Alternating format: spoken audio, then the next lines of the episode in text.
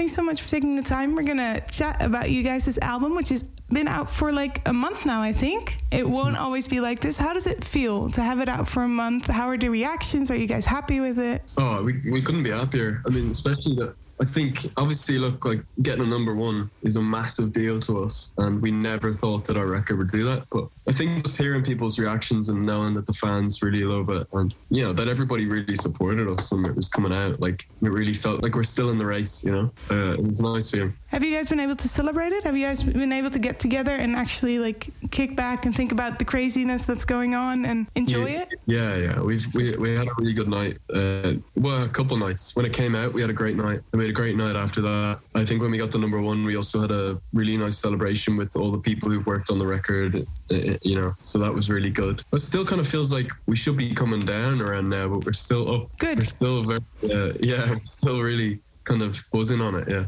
Good. I'm good. I'm glad to hear it. We're gonna try and keep that momentum going because why would you come down if you can stay up? Um, so this album, it won't always be like this. We're gonna go into the tracks obviously and talk through them. But this, is there a certain theme that you guys want to accompany with the album as a whole? Uh, I think just most, mainly that it was um, we really wanted to make quite a like hopeful record and and, and something that was going to make people feel good and feel like there's something to look forward to after lockdown. Uh, I think we've done that. So we just as you know, if you're listening to the album, we just hope that you feel something from it and, and it makes you kind of get up and, and want to dance around a little bit, something like that. Good. We're gonna take that into consideration as we go through it. Track number one is the title track. It won't always be like this. This one's one that's familiar for people that have known you guys for a little while. Um, you guys did choose to re-record it, right? hmm Yeah, it kind of got an upgrade. I, th- I think we got to a stage where we felt that when we played it live, it was sounded a lot better than it did in the recording. And also, we kind of changed a lot as musicians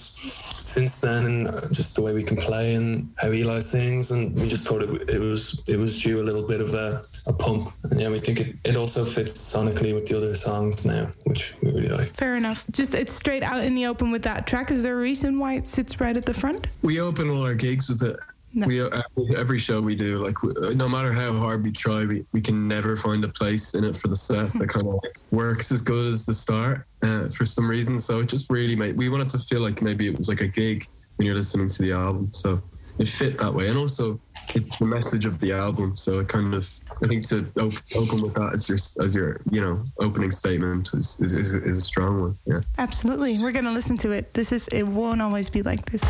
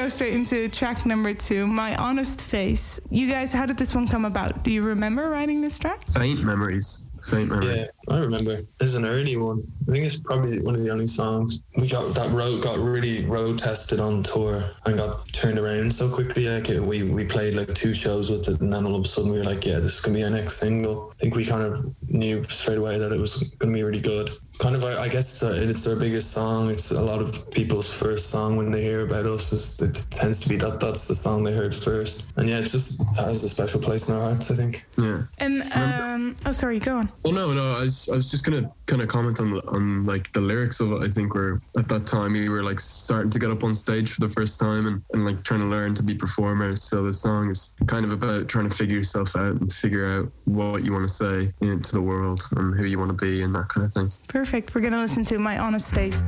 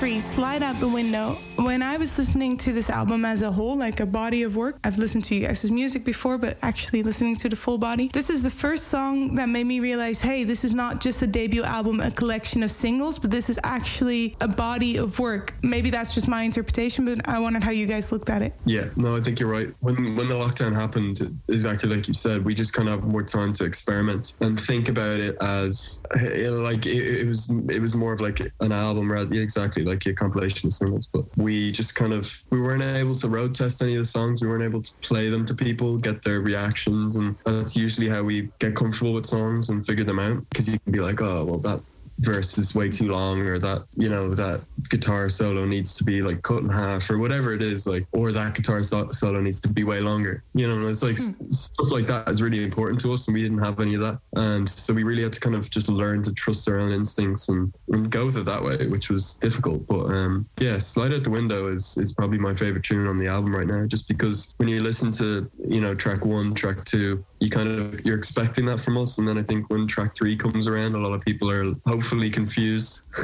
which is what we are trying to do. And, and and it's just a different kind of side of us that we've never shown before. And never been able to release in like a single format so we're grateful for that song Do you guys remember the process of making this one, whether it be musically or lyrically? lyrics wise it was kind of just when i hear that song I think of just i imagine all of us just like sitting in our rooms trying to write songs looking out the window and like wishing that we were on tour so it's kind of just a song about dreaming up somewhere that you want to be and, and and yeah wishing you were somewhere somewhere else i guess We're gonna listen to it slide out the window.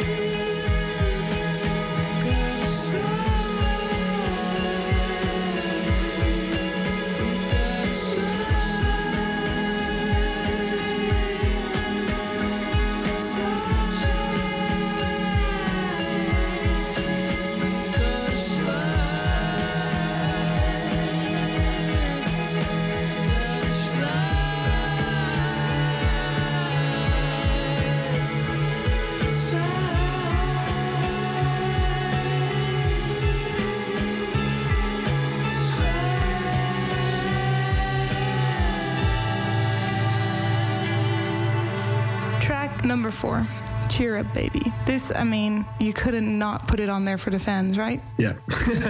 To yeah. put it really, really simply. But you guys still love this song, I hope, right? Oh, abso- absolutely, and it's always really, really great to play live. We have played it. I think I, I, I keep saying this, but I don't know if it's if it's right. But Just keep saying it. Someone will fix it if it's not. Every gig we've ever done, I think we we played this song, and, or a format of it, or a version of it, and um, it's just kind of it's grown up with us, and so it's kind of yeah, it's a real big part of the band that song, and it was kind of the song that was kind of going around that maybe piqued interest in like all the labels and wanting to like sign us and stuff like that. So it was a big it was a big moment that song, and putting it out there was also yeah yeah for the fans like. They had Instagram pages dedicated to it and stuff like that. So it was nice. They're to put it- dedicated, yeah. Yeah, they're very dedicated. But I Yeah. mean, the message of the song is very um, current and, and good to put out there as well, right? Yeah, Oh, yeah.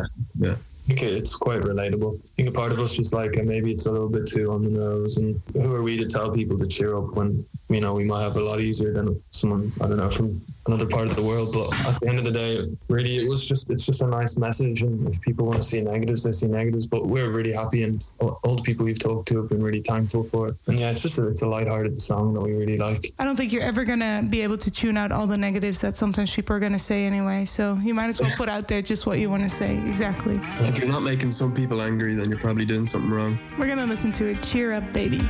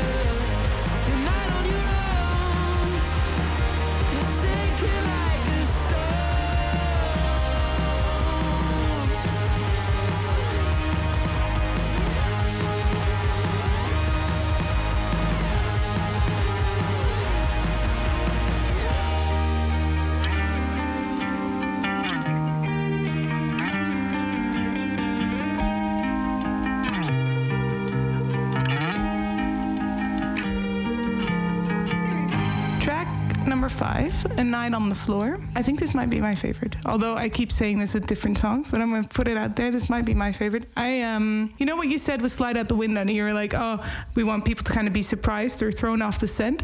I had that with this track when it started. I was like, whoa, what? Are, where are we going with this? I I really enjoyed that. Do you guys remember the writing process? Yeah.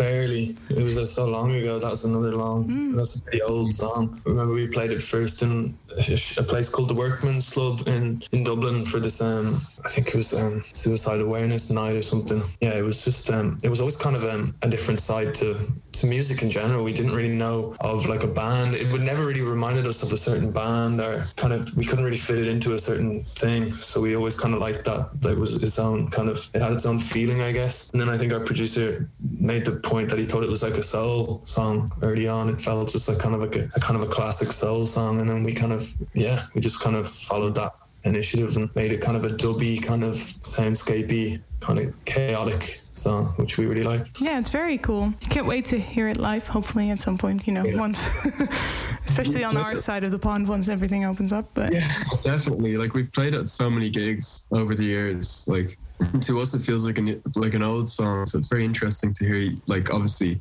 you wouldn't have known it before if, if we haven't, you know, you hadn't seen a gig of ours. No. It's it's kind of nice to know that that song's new in some people's mind. yeah, it, fe- it felt fresh to me. So that's interesting to, to hear that you guys have sat on it for a while. Um, Yeah. But it might, you know, it might get a fresh take when you guys go in to make an album with a new producer and stuff. I can understand that it kind of gives this new lift and a new life into it as well, right? Yeah, yeah. I mean, we've always worked with Ant on it. So our producer now, like we, we, he's always been a really big fan of that one. And the arrangement at the beginning, like I remember we had a quite a basic version of that because when we play live, but um, he did this really cool kind of uh, intro on the beginning with all these kind of percussion elements and stuff. So I remember hearing that and just being like, "Whoa, there, there it is. That's the song." You That's know, like the way it- to go. Yeah, Strong identity to it. Yeah. cool. We're going to listen to it.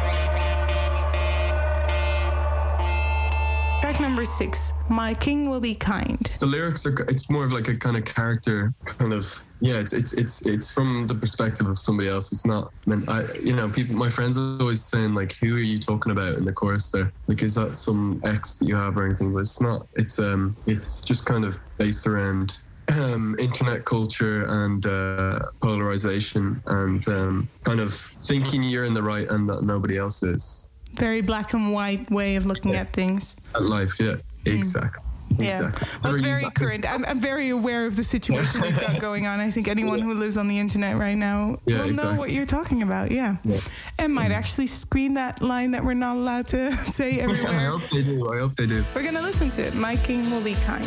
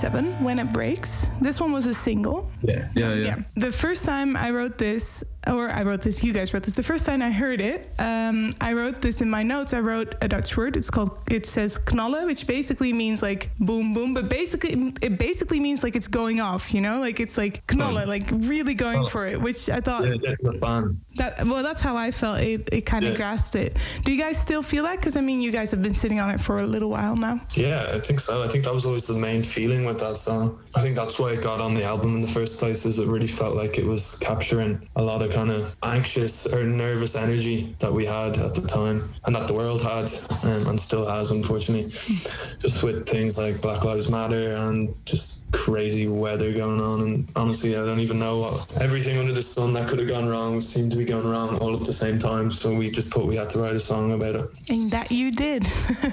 Do you remember the process of it? Was it something that you guys sat down and, and beat it out in like five minutes and it was there, or did it take a bit longer than that? It'd take a while because it started in lockdown. There was a demo. I remember Josh sending in, being like, "Oh, I know we were look, we have been looking for like an up tempo song because we'd like been doing a lot of really mid tempo stuff." And Josh just kind of was like, "Oh yeah, got this idea," and we were all like, "Oh, wasn't on it." And then when we got into the studio, that's when we really fleshed it out and kind of gave it its um its clothes. Do you remember, Josh, where you got the, the original idea from? Uh, I was just literally sitting in my room and I was, I was at that stage of lockdown where everybody was just kind of getting fed up with just being locked in your room.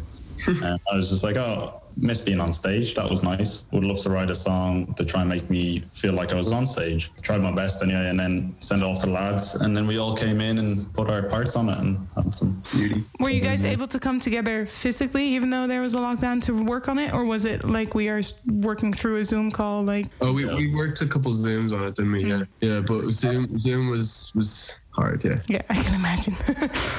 Zoom is hard for everything, especially if you're going to make music. Well, I'm glad you guys figured it out um, because we all love it, and we're going to listen to it when it breaks.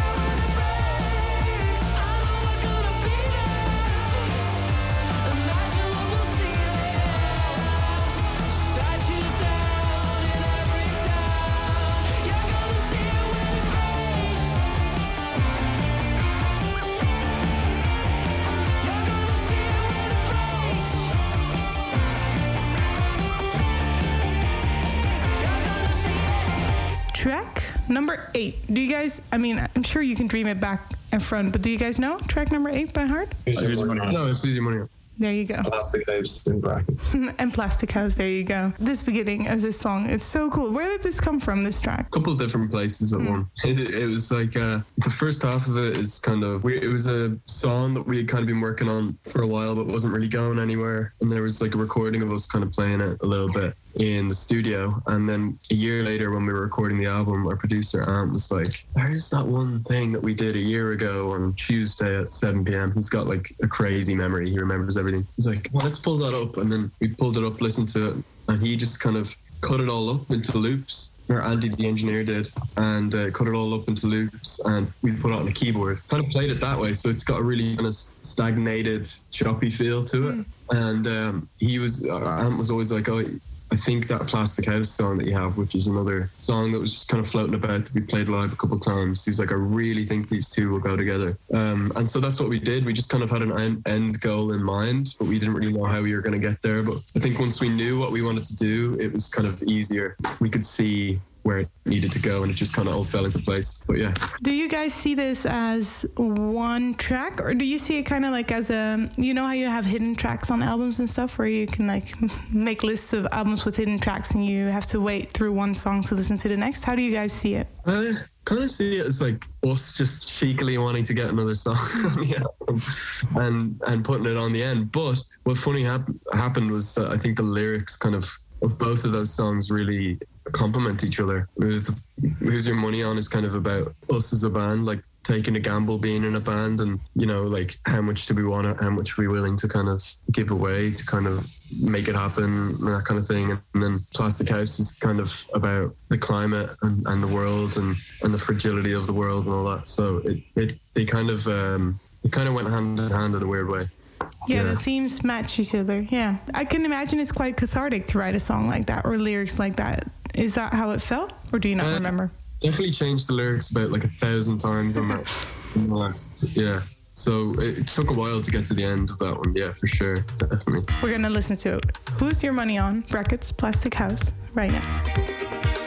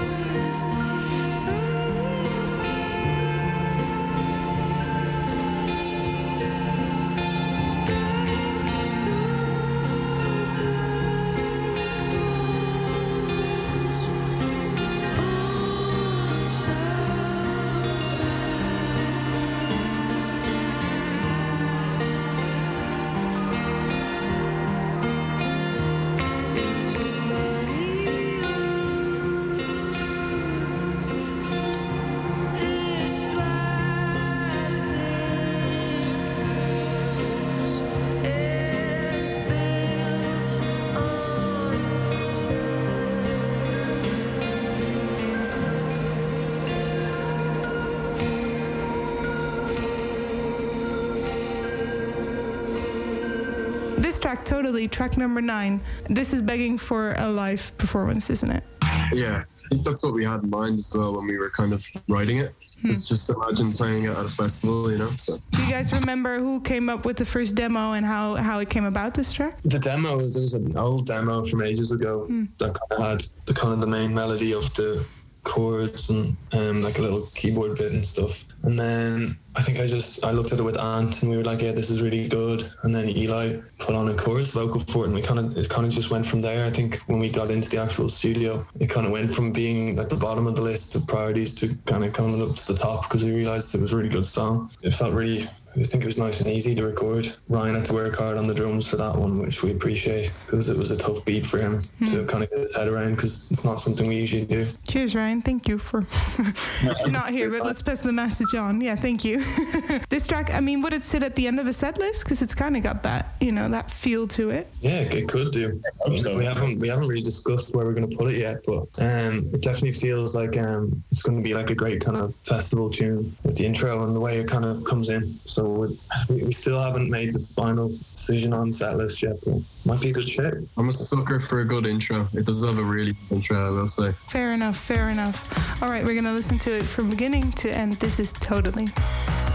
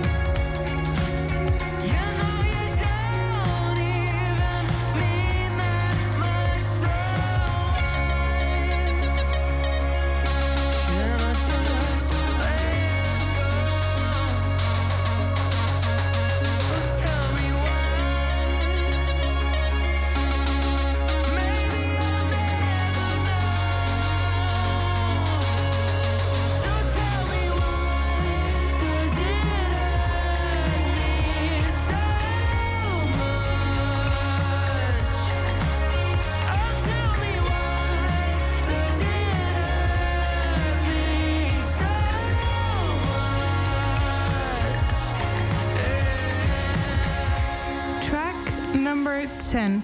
Now, th- here's my question for you guys, because 10 is kind of like a soundscapey. Is it an intro to track 11? Do you guys want to play them back to back on air, or would you prefer them to be in between? That'd be a good show. Right. I'd back to back, yeah, that'd be pretty Back to back? Okay. Then we're going to talk about track 10 and then track 11 straight after, and then we're going to play them. So, track 10 is A Strange Time to Be Alive, and this one is kind of like an interlude, I think, to In My Sleep. So, how did this one come about? This was, uh, it used to be a demo of like a full length song that we just kind of refined and um, did in the studio. Was kind of like a, a day off almost, where we just kind of had some fun and played some music, and that's kind of what we came up with in the end. And yeah, it kind of just revealed itself to be this kind of nice, airy piece of music that we thought would lend itself well before In My Sleep. And we never really thought about doing an interlude, but then we were just kind of like, be shame not to put it on the album in some kind of way. So we did it. And yeah, I think it, it really does kind of, it's like the kind of calm before the storm, and people don't really expect that the album's going to end the way it does. So yeah, no, it's really nice. It gives it a quite a, an atmosphere. Yeah, it definitely does. And so that line in there, "What a strange time to be alive." I mean, that kind of sums it up by itself, right? Yeah, it's very much, um, I don't know, I guess like a t shirt lyric or something. It's like, it just kind of is what it is. You don't really need to explain it, which I kind of like. Ryan always says, if Ryan is who he always goes, it's not a strange time to be alive, it's a strange time to be a rock band.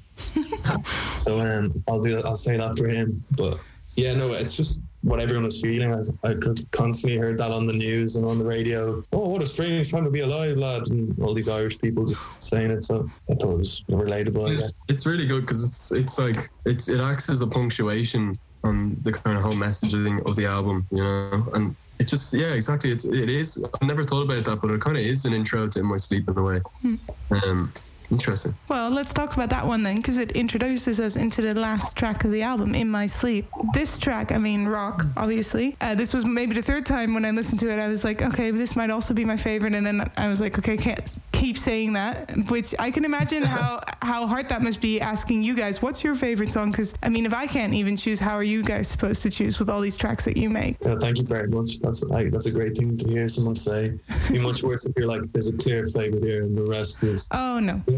no. And the rest just sucks. No. Yeah. Or is shit, as we would say on our radio station. No, absolutely not. How is yeah, it? no, I think um, like like you said, it's really hard for us to pick favorite. Like uh, the amount of interviews we've done, we all just say different songs each time, and it's not actually to be, it's not actually to give people different answers. It's more just it's whatever it is at the time. Whatever suits Wow. your day and your mood. That yeah, makes sense. Yeah. feeling, Let's talk about In My Sleep. How did you guys come about writing this track? It was uh, again like just a demo that was floating about, and then we kind of all brought it into the studio when we first got in there, and we just to kind of get used to playing with each other again. We just played this one on repeat and like tried to figure it out, and yeah, like it was very. I think it, it really captured us getting in the room again after lockdown, and that kind of just wanting to be a really loud guitar band and just like just throw all the rules out the window. Like there's uh, Irish, you know, like uilleann pipes going in there. There's like key changes. There's like you know harmonized guitars. It's just all that we love about like you know those bands like Thin Lizzy and and, and you know those seventies kind of bands. And it was just it was just our ch- our kind of chance to be like a real band again, and we we took it to the max. So I um, understand, yeah. And lyrically, this track, what is what is the story that's kind of coming about? Uh, it's kind of about being kind of over stimulated with a lot of you know like i think especially kids these days again on, on the whole youth thing of the album like i think it's it's about kind of just yeah being overstimulated and kind of wanting to shut off uh, wanting to get away from from real life and, and, and all the horrible stuff that's going on. And I think when you look on your phone you you're addicted to it but you can't seem to get away from it. Yeah so that's that's really what the kind of essence of it is That that sums it up, guys. I mean, that's the album. Is there anything else you guys want to say about it? I mean, you've done a ton of interviews, so I'm sure it's out there in the world somewhere. But is there anything else you want to touch on as I have you here? Just I hope you enjoy it. Hope if you're listening to it for the first time, I hope you enjoy it. And if you don't, uh, that's fine. If anyone is listening right now and this is the first time listening to it, I highly recommend listening to it without us blabbering on in between. Just listen to the album as it's meant to be. And I think you'll enjoy it even more because I can't understand anyone that doesn't. Let's sum it up like that. Yeah, they don't speak our language. Yeah, Exactly. And then they don't even have to try if they don't like it. exactly. Exactly.